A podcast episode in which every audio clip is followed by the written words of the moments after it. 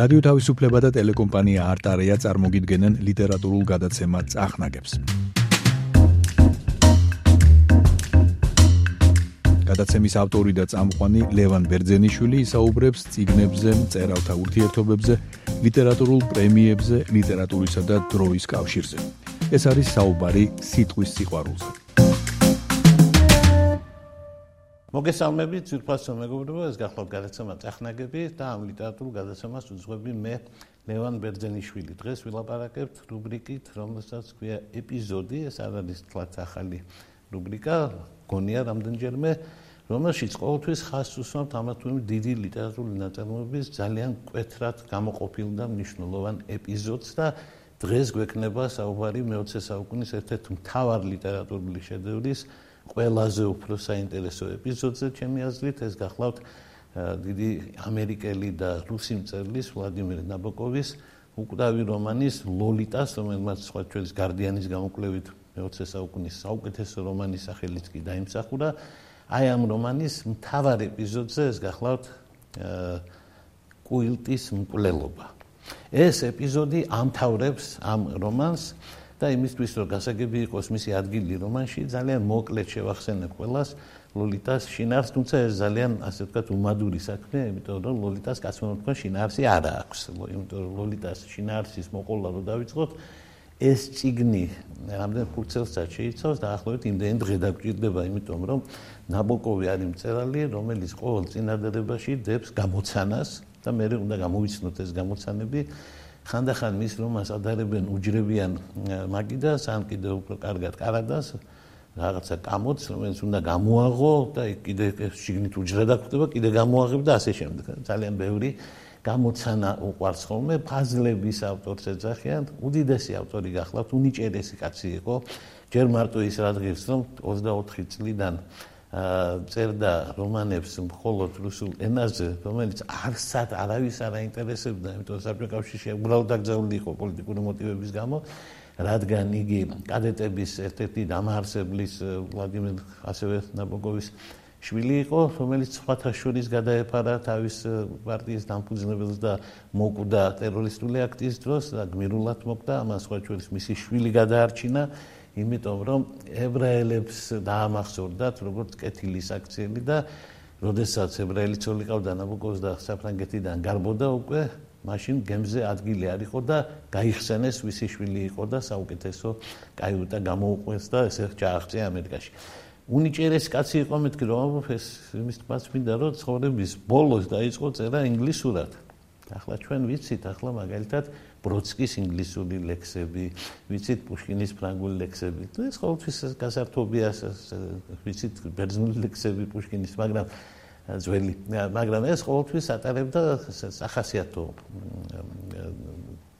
ტიპის იყო ეს ლექსები და ამ შემთხვევაში მივიღეთ ამერიკული ლიტერატურის თავარი შედევრი. ფაქტი არის რომ მეორე საუკუნეში არაფერი მსგავსი ფოლკნერის მერე ამერიკის ლიტერატურა არ შეუძლავს არაფერს ისე როგორც შეძლა ლოლიტა და ფოლკნერისგან განსხვავებით რომელიც შეძლა ორი სამი მწერალი და ხუთი კრიტიკოსი ამან შეძლა მთელი ამერიკა იმიტომ ეს იყო უდიდესი სკანდალი ამერიკის ლიტერატურულ ისტორიაში. ამიტომ შინაარს მოყვები მეთქი რო თქვი რა თქმა უნდა ძალიან დიდი ხუმრობა. მოკლედ ვიტყვი იმ ამბებს რომელსაც ეხება ეს რომანი ჯერ ერთი ის იწება იმით, რომ ვიღაცა ფსიქოლოგი გვიხსნის, რომ ხელში ჩაუვარდა ვინმე ავადმყოფის, რომელიც თავისთავად ხუმბერტ ხუმბერტს უწოდებს, ანუ არ არის ხუმბერტ ხუმბერტი, მაგრამ ასე უწოდებს თავისთავად მისი ჩანაწერები. და ის ამას განიხილავს როგორც ასე ვთქვათ, кейს, როგორც შემთხვევას, როგორც არანორმალური ფსიქიკის გამოვლენის შემთხვევას. ეს არის მის მიერ შესწავლილი ფსიქიკური შემთხვევა.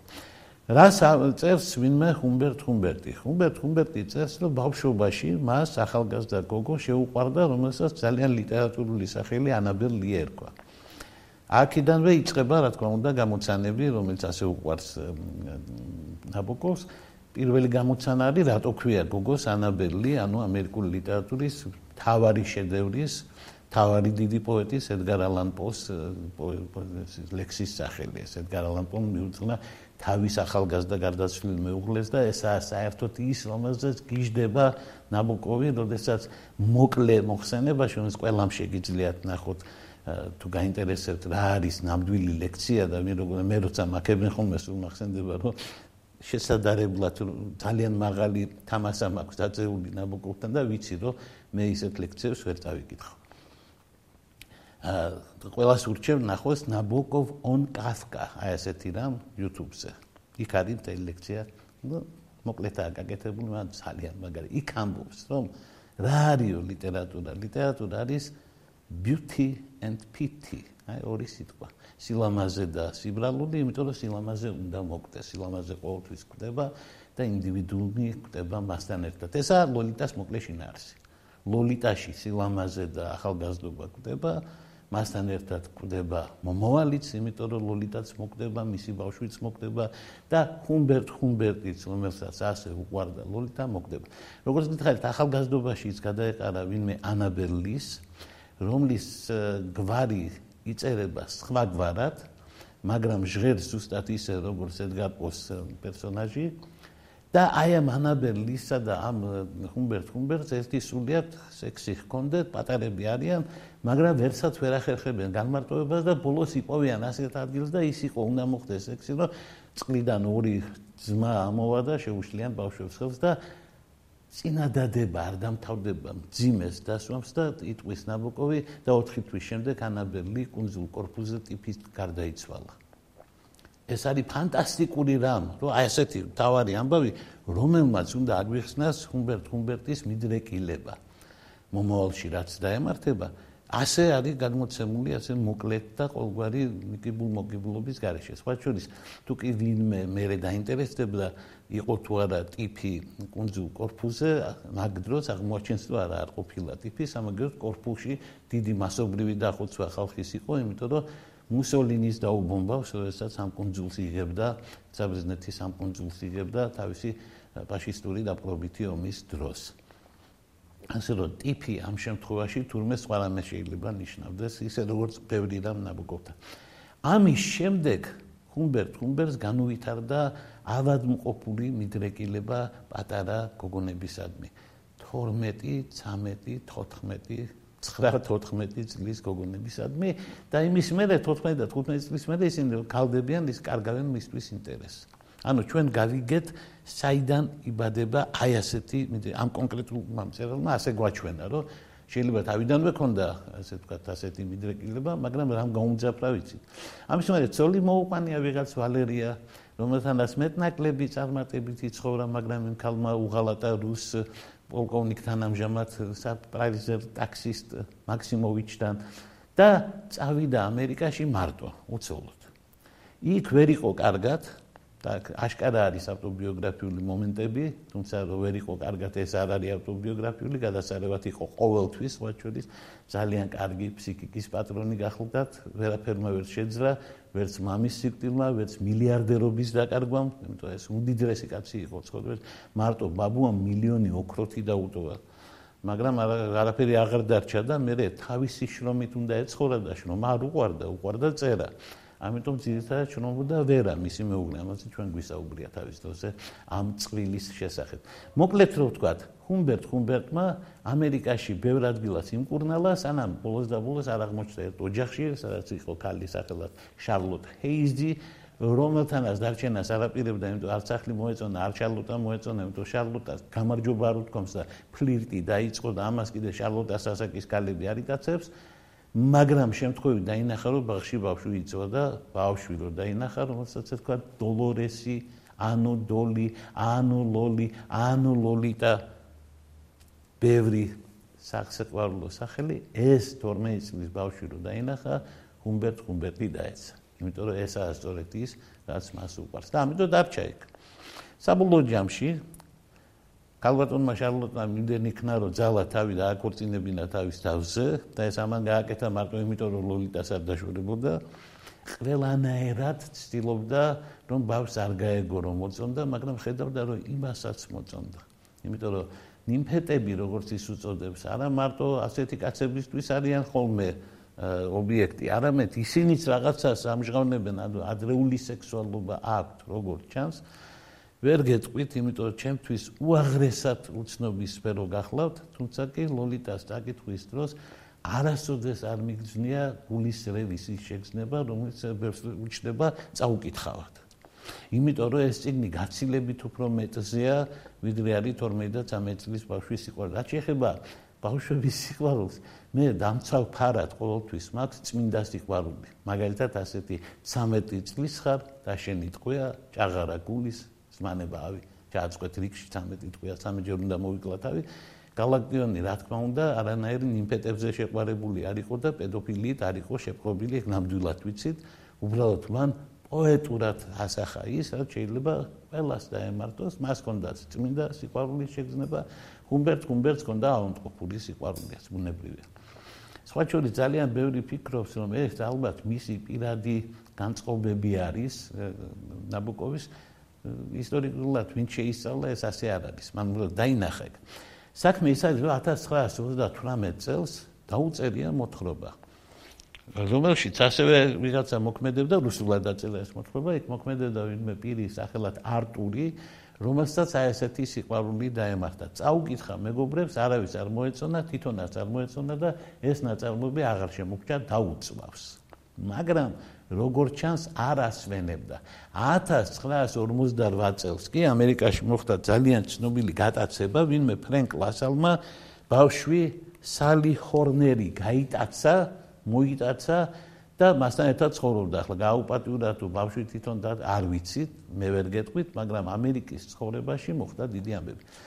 სანამ ამ შინაარს ბოლომდე მივიყვანდე, გეტყვით იმასაც, რომ ისტორიული ეპოქა ასეთია. მეორე მსოფლიო ომი დამთავრდა, ამერიკამ მსოფლიოსთან ერთად ამ ომში გაიმარჯვა, ბევრი გასაჭირის შემდეგ, ომის დროინდელი გასაჭირის შემდეგ, ამერიკას მოუნდა ახალი და კარგი და სამართლიანი ცხოვრება.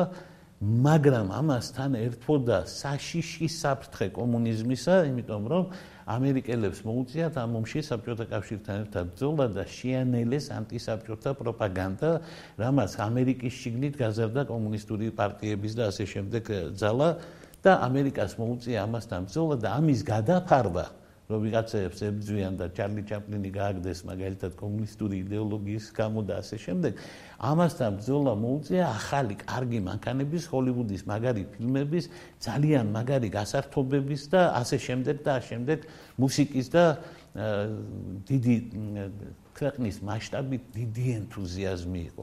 სანამ დაიწყება ადამიანის უფლებებისთვის და განსაკუთრებით შავკანიანთა უფლებებისთვის ბრძოლა 60-იან წლებში, ის წლები 40-იანის ბოლო და 50-იანები იყო ძალიან სერიოზული აფეთქების და აყვავების ხანა. ერთი მხრივ ლიტერატურაში გამოჩნდა ბიტნიკების თაობა, მეორე მხრივ გამოჩნდა აგერ პოსტმოდერნისტული ნაწარმოები, რომელშიც ნაბოკოვმა იმას ყველაფერსაც ამერიკაში ხდება დასცინა და მეორე მხრივ განადიდა კიდევაც, იმიტომ გვაჩვენა. გვაჩვენა როგორ აყვავდა სასტუმროების ბიზნესი, გვაჩვენა ჩვენთან რო აყვავდა ახლა მაგალითად ტურისტული ბიზნესი და მოქალაქეებმა რო სახლები გაარემონტეს და ტურისტებს დაუთმეს და ასე შემდეგ და კორონა რო ყველას ყელი გამოგჭრა ამას დარგში ამერიკაშიც ასეთი რამ ხდებოდა. არა მარტო ჩვეულებრივი პატარა სასტუმროები, ანუ ჰოსტელები, მოტელები და ასე შემდეგ ყველაფერი რო ჩნდება. ამას ყველაფერს დასცინა კიდევაც და აღწერა კიდევაც. ამიტომ ეს ისტორიული ძეგლიცაა ყველაფერთან ერთად. მოკლედ ასე მოხდა რომ ის თავის აზრებს ჰუმბერტ ჰუმბერტი თავის აზრებს წერდა დღიურში და შარლოტას მის წელს ეს დღიური ხელში ჩაუვარდა კალმა წაიკითხა გაგიჟდა ბუნებრივია დაიჭირა ხელში და გარბოდა ქუჩაში რომ ვიღაცისთვის უნდა ეჩვენებია და ამ დროს მანქანამ დაარტყა აა გამოეკიდა ეს ჰუმბერტ ჰუმბერტი რომ აუხსნას რომ ეს არის ლიტერატურული მცდელობები და ეს აღანაირ რეალობასთან კავშირში არა ვერაფერს ვერ აუხსნიდა რა თქმა უნდა, მაგრამ ამ დროს ვიღაცამ დარეკა და უპასუხა ტელეფონს და ტელეფონში უგნებია შენი ცოლი გარდაიცვალა, როგორ გასულ ახლა გამოვარდა ქუჩაში და გავარდა ქუჩაში და ხედავს რომ დაურტყამს მანქანას. ნუ ყველაფერი მოაწესრიგა. კახალდები რა თქმა უნდა ხელიდან გამოართვა მიცვალებულს. ნუ ნათელი იყო ვიღაცამ დაარტყა, მე კიდე იმის საქმე ირჩეოდა, იმის ვინც დაარტყა, იმას სადა მოესყიდა.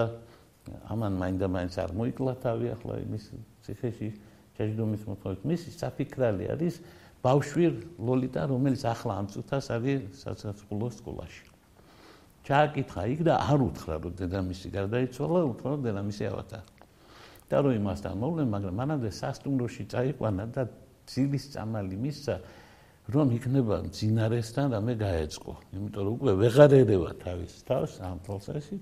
დინა ბავშვთან ვერაფერი ვერ გააწყო, სამაგეროდ ბავშვმა გაიღვიძა და იქით გააწყო ყველაფერი. ანუ არა ჰუმბერტ ჰუმბერტმა გაუპატვირა ლოლიტა, არამედ პირიქით ლოლიტა მიძალა და ახლა მაინდამაც საძალადოც ალბათ არისო, მაგრამ იძალა და მასზე ოღონდ თუ ვინმეს გონია რომ პიკანტური სცენები იქნება აღწერილი და სადმე ის მაინც გამოჩნდება რის გამო საქართველოსი მახსოვს ტელეგადაცემები დახურეს მაგალითად როდესაც ჩვენმა უწყინვალესმა რეჟისორმა შესანიშნავი ტელესპექტაკლი დადგა ჯაყოს ხიზნების სახით მაგრამ იქ მსახიობს ფეხი გამოუჩნდა მთელი საქართველოს ფეხზე დადგა მახსოვს გარჩევა იყო. ერთი შორეული ნაოსნობის კაპიტანი ბარათაშვილი რომელსაც ქართული არ ეხერხებოდა ჩვენი პრეზიდენტის არ იყოს ლაპარაკობდა იმაზე თუ რა მორალურ დაცემას აქვს ადგილი შორეული ნაოსნობის კაპიტანის შემთხვევით არ მithქვამს იმიტომ რომ მაგის მორალში დიდი ეჭვი იქნა შეტანილი შემდგომში. მოკლედ დიდი სკანდალი იყო. ასეთი რამეები არ არის ლოლიტაში. ანუ ის პიკანტური ამბავი რომ იქნებ იქნებ რამე პორნოგრაფიასთან კონდეს საქმე, რა თქმა უნდა, არა, თუმცა 1955 წელს ამერიკაში რო ვერსად ვერ დაბეჭდა, პარიზში დაბეჭდა და როგორც მე გაირკვა პორნოგრაფიულ გამომცემლობაში. თუმცა რამდენიმე წლის მერე ამერიკაში მაინც გამოიცა.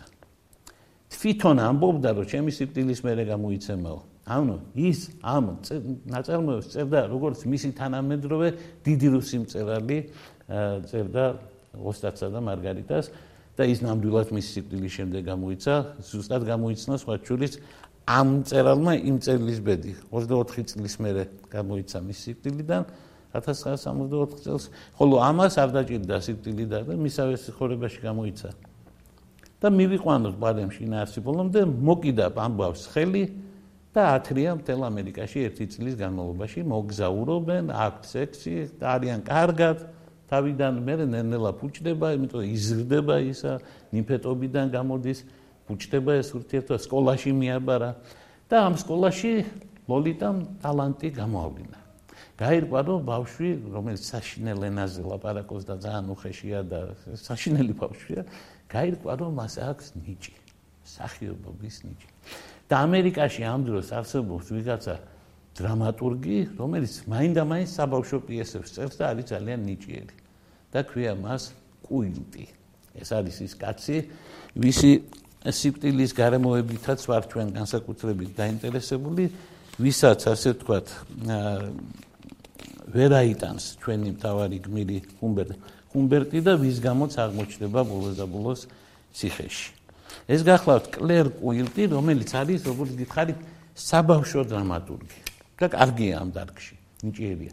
ამ კლერ კუილტის რაღაცა მეოცნებე მონადირეები თუ რაღაც პიესა იდგმება იმ სკოლაში, სადაც სწავლობს დოლორესი, ანუ ლოლიტა და წარმატებული არის და შეატყობს ჰუმბერტ ჰუმბერტი რომ რაღაცა ზედმეტათა ეს ბავშვი ამით ქართული და წამოიყვანს სკოლიდან და კიდევ ივლიან თელს ამერიკაში, მაგრამ ახლა ამჟამად მათ მოტელიდან მოტელში და ჰოსტელიდან ჰოსტელში და ჰოტელიდან ჰოტელში რო გადადიან, უკან დაყვება რაღაც წითელი მანქანა. ბოლოს და ბოლოს ერთვენია დღეს ლოლიტა ცუდად გახდება და სამწყობოში მოუწევს დაწოლა და არ გამოვა გამოხდება ხანი და თვითონაც მოუწევს ჰუმბერტ ჰუმბერტს სამწყობოში დაწოლა და როგორც კი გაუმჯობესდება მოდის ბავშვის გამოსაყვანად და ეუბნება ბავშვი ბიძამ წაიყვანო მიხდა და ეს ბიძა ისა ციტელი მანქანით რომ დასდევდა. არიცის ვინ არის? იმიტომ რომ ვიღაცა ძალიან გონება מחბილი და ჭკვიანია და სადაც მიდის სულ ლიტერატურული პერსონაჟების სახელები ხვდება. აი აქ ნაბოკოვმა აი თავისი ჩვენთან თამაშის სურვილი დაიკმაყოფილა ბოლომდე. კითხველი ეცნობა მთელ მსოფლიო ლიტერატურას, პერსონაჟებს და ესე და თუ გინდა რომ რამე გაიგო, იძულებული ხდები, მიატო კითხვა და გაარკვიო ვინც გულისხმობდა, რატომ თვითონ რომ ხანდახან ჰერბერტი ჰუმბერტ ჰუმბერტის მაგივრად იქნება ჰუმბერტ ალან ჰუმბერტი ანუ მინიშნება არის ასე ვთქვათ ედგარ ალან პოზე.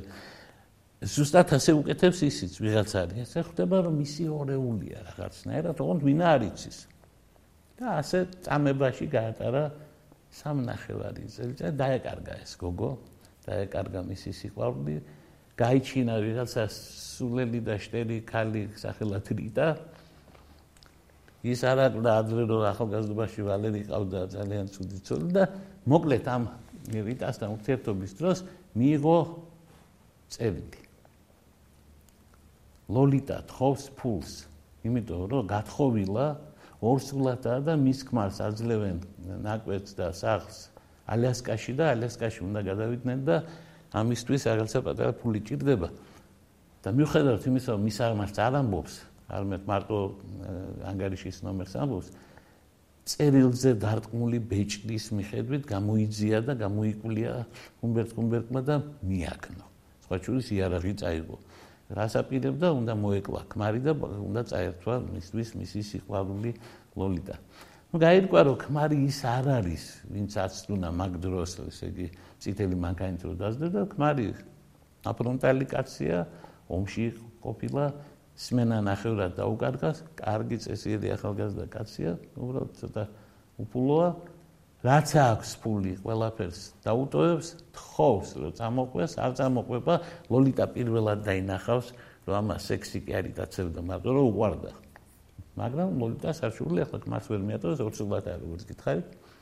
წამოვიდა ხუმბერტ ხუმბერტი და გადაწყვიტა რომ გამოტეხა მანამდე ათქმევინა ვინ იყო წითელი მანქანით გაირკვა რომ ეს იყო სწორედ ის ბავშვსაბავშვო დრამატურგი ვინმე კლერ კუილტი და გადაწყვიტა მისი მოკლა. აი ესე მივედით იმ ეპიზოდამდე, რომელზეც დღეს გვინდა ვისაუბროთ. რა არის კუილტის კვლელობა? კუილტის კვლელობა სოფლიო ლიტერატურაში არის ეპიზოდი, რომელმაც სოფლიო ლიტერატურა თავდაყირა და აყენა და სერიოზულად შეცვალა. თუ დღეს სოფლიოში არსებობენ ისეთი მწერლები, როგორიც არის თქვათ პოლოსტერი, განსაკუთრებით ისე იგი პინჩონი, ძალიან ბევრი ფოსტერი, ძალიან ბევრი კარგი ამერიკელი წერალი. შესანიშნავი სამხრეთ აფრიკელი წერალი ჯონ მაქსველ კუდზე და კიდე უამრავი ვინმე, მაჩურის კუნდერაგი და სხვები. ყველაფერი ეს მე მგონი დაიბადა კულტის კვლელობიდან. რა არის კულტის კვლელობა? ლიტერატურაო თქვა დიდმა არისტოტელემ, რომელსაც არასდროს არაფერი არ შეშლია, მოგეხსენებათ ეს ესეთი ტიპის გენიოსია პლატონისგან განსხვავებით, რომელსაც ყველაფერი ეშლებოდა, მაგრამ ბევრად უფრო გენიოსი იყო. ლიტერატურა უნდა იყოსო დამაჯერებელიო, ან ალბათობით, ან აუცილებლობით უნდა ხდებოდეს ყველაფერიო და აი დაიწერა ლიტერატურული ნაწარმოების თავი, კულტის კვლელობასაც ეხება 35 თავი ლოლიტაში რომელშიც ჩვენ დავინახეთ რომ არაფერი რაც იქ ხდება დამაჯერებელი არ შეიძლება იყოს. რა არ არის დამაჯერებელი? ახლა რომ მიაგნო და რომ აღმოაჩინა რომ რაღაც დეკადენტურ სასახლეში ცხოვრობს, ძალიანაც დამაჯერებელია. ესეთი პერიოდია, როდესაც დიდი ფულის პატრონები აშენებენ რაღაც საოცრებებს. დღემდე გრძელდება ეს სხვა ჩვენის და მე ეს მსახიობები და დრამატურგები თავის ქონებას რო ყიდიან, ყველა შოქშია, რომ აქ როგორი ცხოვრა, მაგალითად არ მინდა ვთქვა რომელმა ამერიკელმა მომღერალმა რომელსაც თავის ეკიმ შემოაგდა თუ არ შემოაგდა რაღაცნაირი დიდი მithkma მოთქმა გამოიწვია. და სხვა ჩვენს ახლოს ამ ნაწარმოების შინაარსთან იმიტომ იმასაც პედოფილია შეედებოდა ბრალი. აი აქ დამაჯერებელი რა არ არის? დამაჯერებელი არ არის რომ კაცი კაცს ეს ერთხელ მეორეჯერ მესამეჯერ, მეოთხეჯერ არ კვდება ეს. ამის მერე ჭიდაობენ. ამის მერე ხანის აღმოჩნდებაზე, მოთ ხანის აღმოჩნდებაზე ვერერერიან ერთმანეთს. აქილევსისა და ჰექტორის ბრძოლიდან 28 საუკუნის მერე ჩვენ მოგვეცა თითქმის იმავე გაქანების ამბავი, ოღონდ ისეთი სადაც არცერთი სიტყვის არ გჯერა, მაგრამ ნუ აი დამატკბობელზე დამატკბობელი სცენები არის მკვლელობისა. ყველაზე მაგარი მე მგონი ამ მკვლელობაში მაინც არის ის, რომ ერთი მკვლელი მეორეს მოსაკლავს უკითხავს ლექს. გძელ ლექს ის უსმენს. და ლექს უკითხავს რომ შენო ისარგებლე ჩემი იმიტომ რომ ორეული იყო ის ოღონდ ის როგორი ორეული იყო? თუ ჰუმბერტ ჰუმბერტს უყვარდა ლოლიტა და ჰუმბერტ ჰუმბერტს ჰქონდა სქესობრივი ცხოვრება ლოლიტასთან ეს იყო ავანტყოფური მაგრამ მაინც ცხოვრება. იმარისთვის მოიტაცა. ის გაირკვა რომ პედოფილი კი არა, უბრალოდ ისე იგი საერთოდ არაფერი არ შეუძლია იმპოტენტი ყოფილა. და ლოლიტა გაექცა, იმიტომ რომ ისე იგი ეს პატარა გოგო რომელიც ასე გარყნილი იყო და თვითონაც მამინაცვალთან ასე თქვა თვითონაც მიიწევდა რაღაცნაირად რაღაცა მასთან პატრიოტების ზღვარი გადიოდა და რო შესთავაზა დიდი ფული და პორნოგრაფიულ ფილმში მონაწილეობა იმან გვარი უთხრა. ამიტომ გაექცა. შუა მკვლელობაში ირკვევა უკვე ნახევრად რომ მოკლული რომ ეს მკვლელობაც ისეთივე ყალბია, როგორც ეს ურთიერთობა. ისევე ისევე ასე ვთქვათ, პერსპექტივა. იცით რა საშინელი ციგნი არის ამ თვალსაზრისით. მან აჩვენა იმ საზოგადოების უპერსპექტიობა, რომელსაც უნდა ომის ჭრილობები მოიშიშოს ფრენკ სინატრას სიმღერებით და ჰოლივუდის ფილმებით. და რო ეს მოუშუშებელი ჭრილობებია, ის თაობა მან ამ ციგმა პირდაპირ თქვა რომ ახლა მალე იფეთქებს ამ ქვეყანაში და იფეთქა კიდევაც 60-იანმა წლებმა და ჯერ ხიპების მოძრაობა იყო და მერე დაინგრა კიდე ამ ქვეყანა ადამიანის უფლებები და მერე კორეის ომი ამასობაში და მერე ვიეტნამის ომი და სხვა. აქ ამ ციგში კორეის ომსაც კი დასინა იმიტომ რომ როდესაც ჰუმბერტ ჰუმბერტმა გადაპირველად დაამყარა კავშირი ასე ვთქვათ ლოლიტასთან გაოგნა კაცი კალიშვილი არ აღმოჩნდა. 12 წლის ბავშვი კალიშვილი არ აღმოჩნდა. იქ რომ იყო საბავშვო სკოლაში იქ დირექტორის ვაჟი თურმე გოგოებს აფუჭებდა ხოლმე მაგის სპეციალისტი ყოფილა. და რო გაიგო რომ ის ვიღაცა მუხცენა იმის სახელი თქვა რომ გათახსირებულიო, ამის მოყვარული იყო და კორეაში დაიღუპაო. აი ნახეთ რა გათახსირებულია, თან ამდენი გოგო გაუბადურა და თან მედალი დაიმსახურაო. საბოლოო ჯამში ეს კაცი როგორც იქნა მოკვდა. ამდენი ჭიდაობის, სტროლის, ბძოლის, ამდენი ციტატის, სადაც არის ციტირებული შექსპირი, თომას მანი რომელიც არ უყვარდა დოსტოევსკი რომელიც არ უყვარდა ნაბოკოვს ტოლსტოი ბევრი ბევრი ბევრი ბევრი ციტატა იქნება. ძალიან მოკლედ ეს თავი არის რომელსაც დაბადა 1500 დისერტაცია. იმიტომ რომ ყველა ბედნიერია რომ პოულობს რაღაცა თავისთვის საჭიროს. და ამის მერე როგორც გითხარ მაღალო სტატურად დაწერილი ამის მერე როგორ უნდა დამთავრდეს? ეს არის ბოლოს წინა თავი. დარჩა პატარა 36 თავი ორგვერდიანი აი როგორ მთავრდება. დარჩა იქ თავისი საწვიმარი და იარაღი. ხელის ანაბეჭდებიან ყველაფრიან. მოკლედ დაღუპულია უკვე. დაჯდა მანქანაში. გამოვიდა მანქანაში რომელსაც ქვია იკაროსი სხვათ შორის. დაღუპული ახალგაზრდა კაცის სახელი. დედალოსის ვაჟის. ახლა იყვიან დაიდალოსის ვაჟის. იმიტომ რომ ბოლო ხანებში ვცდილობთ რომ რამენაერად ბერძნული სწორად გამოვთქვათ ქართულად. და აი დაიდალოსის ვაჟი სიკაროსის სახელი ქვია მის მანქანას ისე დაუყენებიათ ორი მანქანა მის ძლივს გამოწყდა იქიდან გამოვიდა ტრასაზე და წავიდა შემხვედრი ზოლით. და იქიდან მანქანები მოდიან გაოგნებული ახლა ამერიკა რა მოძრაობა წარმოიდგინეთ და შემხვედრზე მიდის და კინაღამარტყას მანქანები და როგორც იქნა დაეწია პოლიცია და გააჩერა, გადმოვიდა, ელოდება დაპატიმრებას. აი ეს ადგილი გახლავთ ბოლო სიტყვები ამ რომანში. ნებანბუძეთ ეს ადგილი წარმოგიდგინოთ ასე. აი ესა გავიფიქრე მე. ჩემთვის კლერ კუილტის მიერ დადგმული מחვილგონიერი სპექტაკლის დასასრული.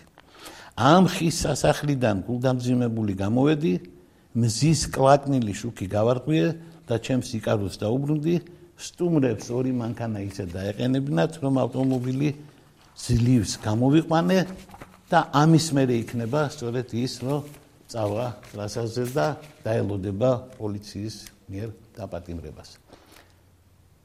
ეს იქნება ბოლო. საქმე ის არის რომ ეს რომანი ჩვენ წინასწარ ვიცით როგორ მთავრდება. წინასწარ გვეტყვიან რომ ეს კაცი სასამართლოს და ვერ მიაღწევს გულიშეტევით მანამდე ციხეში გარდაიცვლება მაგრამ მანამდე მოხდება ეს ხდება სადღაც 52 წელს მანამდე მოხდება მეორე ამბავი ლოლიტა ყდარ ბავშვობს და შობიარობას გადაყვება. ანუ ეს არის ამერიკული ტრაგედია ყველაფერთან ერთად და ეს არის ციგნი რომლისგანაც ხელახლა დაიბადა ამერიკული ლიტერატურა.